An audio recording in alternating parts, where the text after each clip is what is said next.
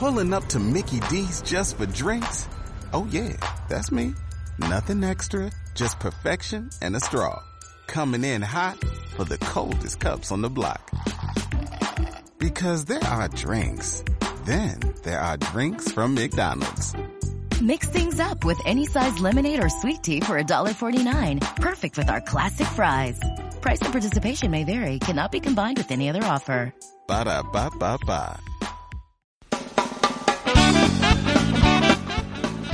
Hola a todos, bienvenidos a un nuevo programa del Club de la Comedia del Antonio Gleb Gleb. Hoy tendremos la actuación estelar de Claudia Uceda y Mari Carmen. Espero que se lo pasen bien.